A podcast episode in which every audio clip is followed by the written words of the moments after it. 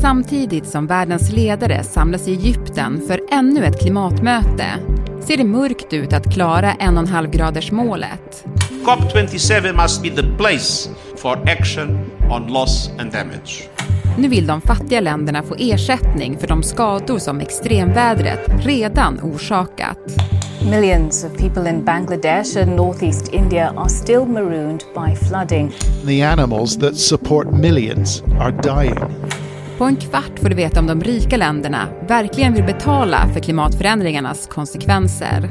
Förtroendekrisen som redan har funnits mellan rika och fattiga länder. Det är måndag den 7 november. Det här är dagens story från Svenska Dagbladet med mig, Alexandra Karlsson.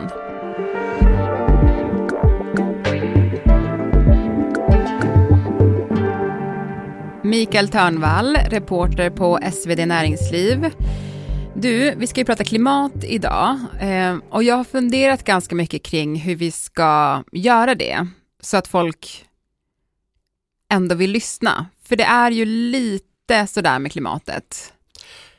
Ja, men ska man säga någonting som ändå gör att man måste, ska lyssna så är det att jag vill komma bort från det här det är kört. Mm. Eh, det, det, för det är inte kört utan det finns massor som händer som ändå gör att vi går i rätt riktning.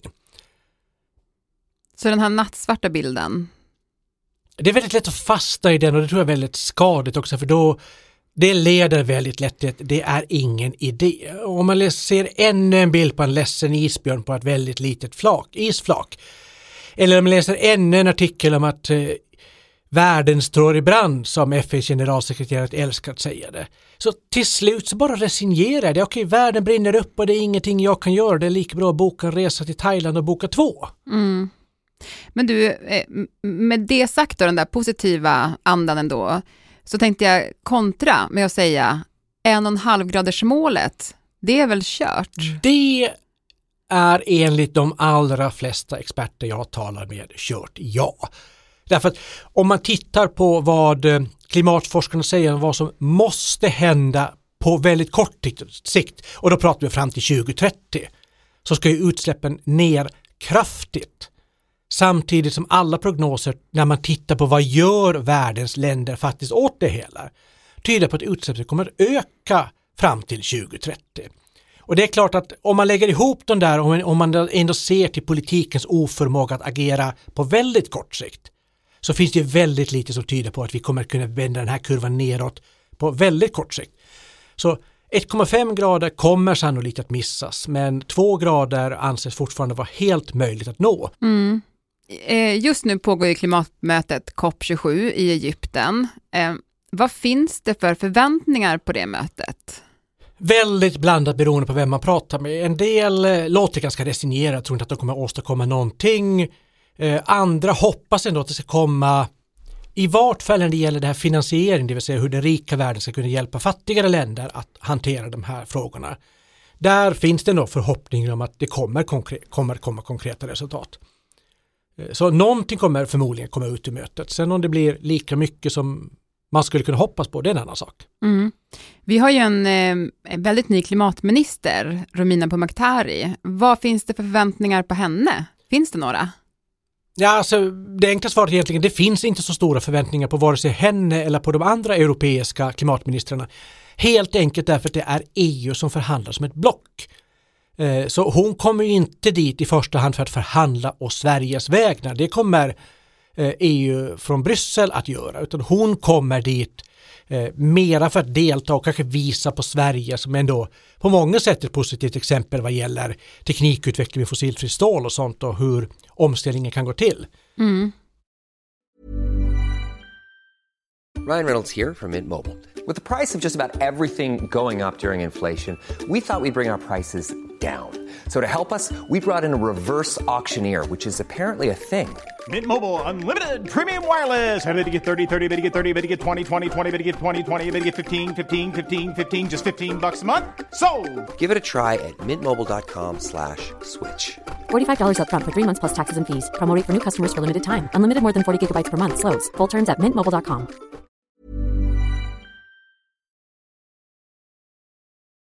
Men vad finns det då för frågor på agendan? Eh, Ja, man kan väl dela upp det i dels den gamla vanliga naturligtvis, hur ska vi nå, få till de här utsläppsminskningarna? Och där har man ju fortfarande på något sätt kvar drömmen om att hålla det till under 1,5 grader. Så det kommer ju vara en fortsatt diskussion på det. Eh, Det kommer att vara en lång diskussion till- kring det som kallas anpassning, det vill säga vad ställer det för krav hur vi ska framöver ska ändra samhället för att klara kommande klimatförändringar.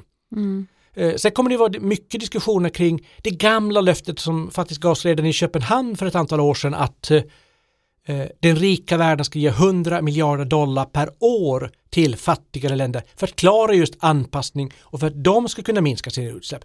Där har man inte levererat ännu utan där är man uppe i 80 miljarder dollar per år och där är kravet nu liksom en, hit med pengarna helt enkelt. Eh, och den sista saken som är ny det handlar ju om det som kallas loss and damage som är liksom en eh, omskrivning för att den rika världen som då har stått för utsläppen historiskt också har ställt till med de klimatförändringar som redan syns i form av översvämningar i Bangladesh och torka i Indien, torka i Afrika. Sånt som ställer till med skador här och nu. Two minutes of silence on behalf of the earth. Rio de Janeiro 1992. FN-chefen Boutros Boutros Ghali utlyser två tysta minuter för planeten jorden. Världens länder har samlats för att diskutera hur miljöförstöring och klimatförändringar kan stoppas. The world is our garden, and together we must cultivate it. This week at Rio, we have made a start. Sedan dess har världens länder årligen samlats och olika avtal har tagits fram för att bromsa den globala uppvärmningen. Bland de viktigaste finns 1997 års Kyotoavtal där man enades om att minska utsläppen av växthusgaser. I Köpenhamnsavtalet från 2009 lovade de rika länderna att från och med 2020 satsa 100 miljarder dollar per år på att hjälpa fattiga länder med omställningen. Vi måste göra allt vi kan för att nå det här avtalet. Och såklart Parisavtalet 2015 där länderna kom överens om att den globala uppvärmningen ska begränsas till en och en halv grader. Jag kan inte säga att det är kört med en och en halv graders målet, men det ser väldigt, väldigt tufft ut. We are on a fast track to climate disaster. Under årets klimatmöte kommer en stor fråga att handla om huruvida fattiga länder ska få ett separat stöd för att ersätta skador som redan orsakats av klimatförändringarna. Det här stödet kallas ju då loss and damage. Mm, I svensk- skador och förluster ungefär. Skador och förluster, exakt på svenska. Eh, och som jag har förstått det är det ju tydligen ganska kontroversiellt. Varför? Ja, det är kanske den mest kontrovers kontroversiella frågan inför COP och det beror helt enkelt på att det handlar inte bara om pengar utan det handlar också om en oro för liksom, framtida skadeståndsanspråk. För det är det det handlar om egentligen att den fattiga världen vill ha skadestånd för de skador som de redan existerande klimatförändringarna ställer till med.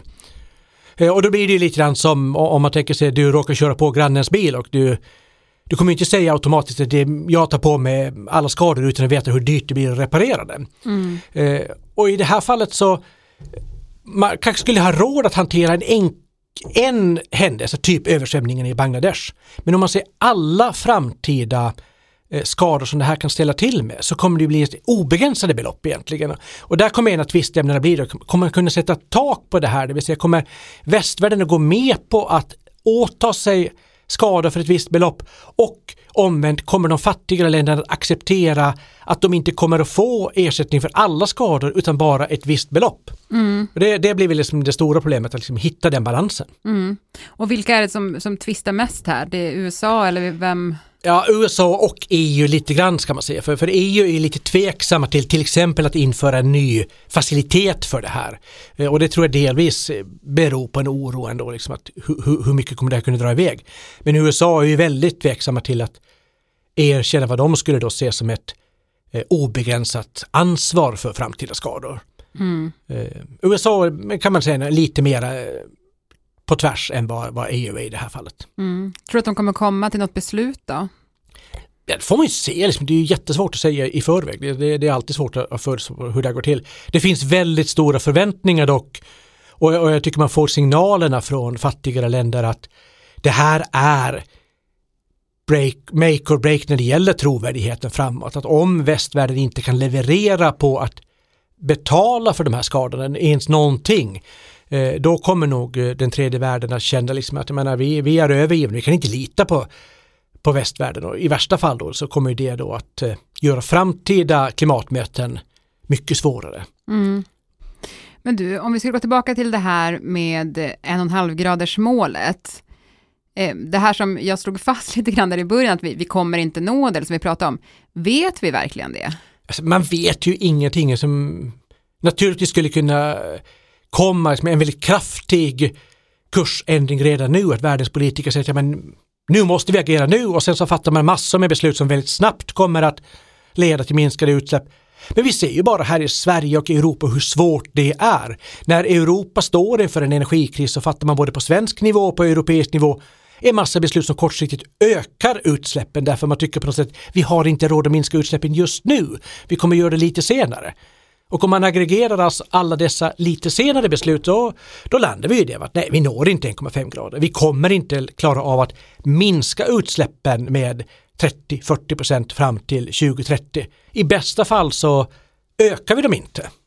Men det finns inget snack om att man skulle ta bort det där målet då, om man ändå inte kommer uppnå det? Nej, det, det verkar nog fortfarande vara så att politikerna går in i det här med att vi ska klara av det.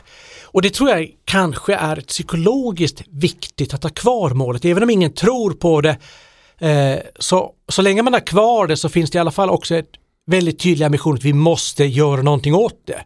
Om man istället säger att, om man, menar, låt oss tänka så här, vi, vi säger att ingen tror på 1,5 grader men nu kanske vi når 2 grader istället. Om man då skulle säga att ja, men vi ger upp 1,5 grader, nu, nu, nu är det nya målet 2. Då kanske liksom man nöjer sig med 2,5 grader. Så. Mm. Det känns ju ändå ibland eh, faktiskt nattsvart när man tänker på klimatförändringarna och det, det skapar stor oro hos många, så även hos mig. Du var lite inne på det där i början. Alltså, är det nattsvart eller hur ska man tänka? Jag skulle säga nej, det är absolut inte nattsvart.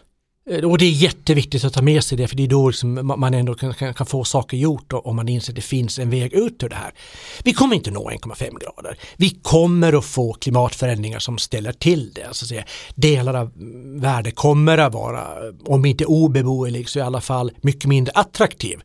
Eh, det kanske kommer vara så att delar av eh, Sydeuropa som tidigare var ett semesterparadis kommer att anses vara liksom på tok för varmt för att någon vill bo där om 30-40 år. Mm. Så sådana saker kommer vi att se.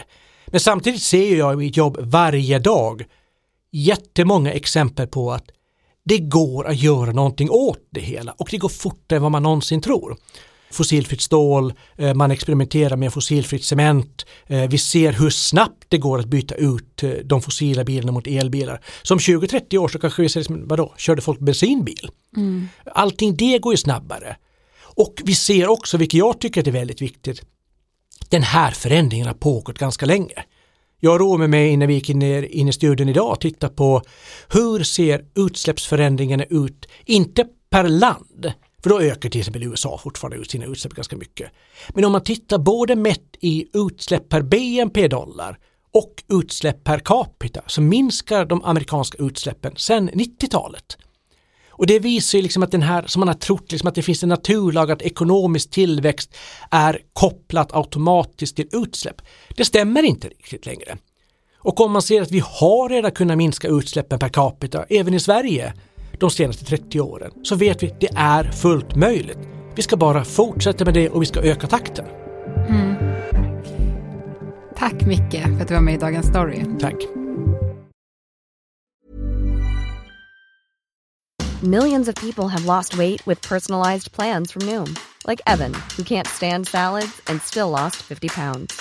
Salads generally for most people are the easy button, right? For me, that wasn't an option. I never really was a salad guy. That's just not who I am. But Noom worked for me. Get your personalized plan today at Noom.com. Real Noom user compensated to provide their story. In four weeks, the typical Noom user can expect to lose one to two pounds per week. Individual results may vary.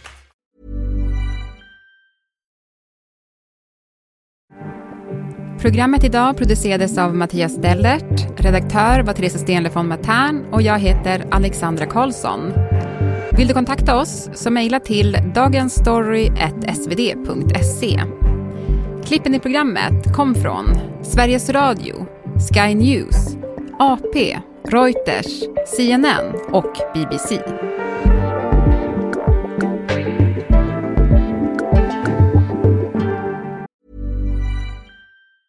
A lot can happen in three years, like a chatbot may be your new best friend. But what won't change? Needing health insurance. United Healthcare Tri Term Medical Plans, underwritten by Golden Rule Insurance Company, offer flexible, budget friendly coverage that lasts nearly three years in some states. Learn more at uh1.com.